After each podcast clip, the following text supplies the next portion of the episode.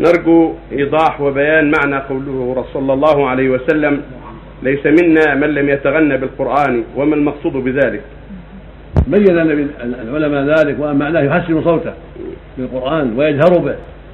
أما كونه يقرأ قراءة ليس فيها تحزن ولا تخشع ما يكون لها أثر في القلوب. فينبغي للقارئ يحسن صوته ويتلذذ بالقراءة ويجهر بها إذا كان حوله من يستمع. أو كان يلتذ بذلك حتى يستفيد ويفيد. ولهذا قال النبي صلى الله عليه وسلم زينوا أصواتكم بالقرآن. هكذا جاء الحديث. فتحسين الصوت بالقراءة وتجويد القراءة والتلذذ بالقراءة والتخشع فيها والتعزم مما يؤثر على القارئ ويؤثر على غيره في سماع كتاب الله. بل مر النبي ذات ليلة على أبي موسى الأشعري ويقرأ. وكان الأشعريون لهم صوت حسنا بالقرآن رضي الله عنهم. فلما مر النبي صلى الله عليه وسلم أبي موسى ويقرأ سمع سمع له.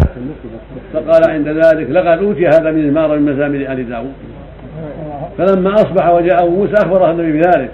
قال يا رسول لو علمت أنك تسمع لحبرته لك تحبيرا والمقصود أن تحسين الصوت بالقراءه لها أثر عظيم.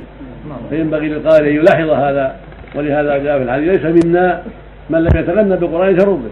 قال العلماء معناه يحسن صوته به ويزين صوته ويتلذذ ويتخشع جاهرا به إذا كان عنده من يسمع ويستمع له أو كان يتلذذ بذلك ويتأثر بذلك.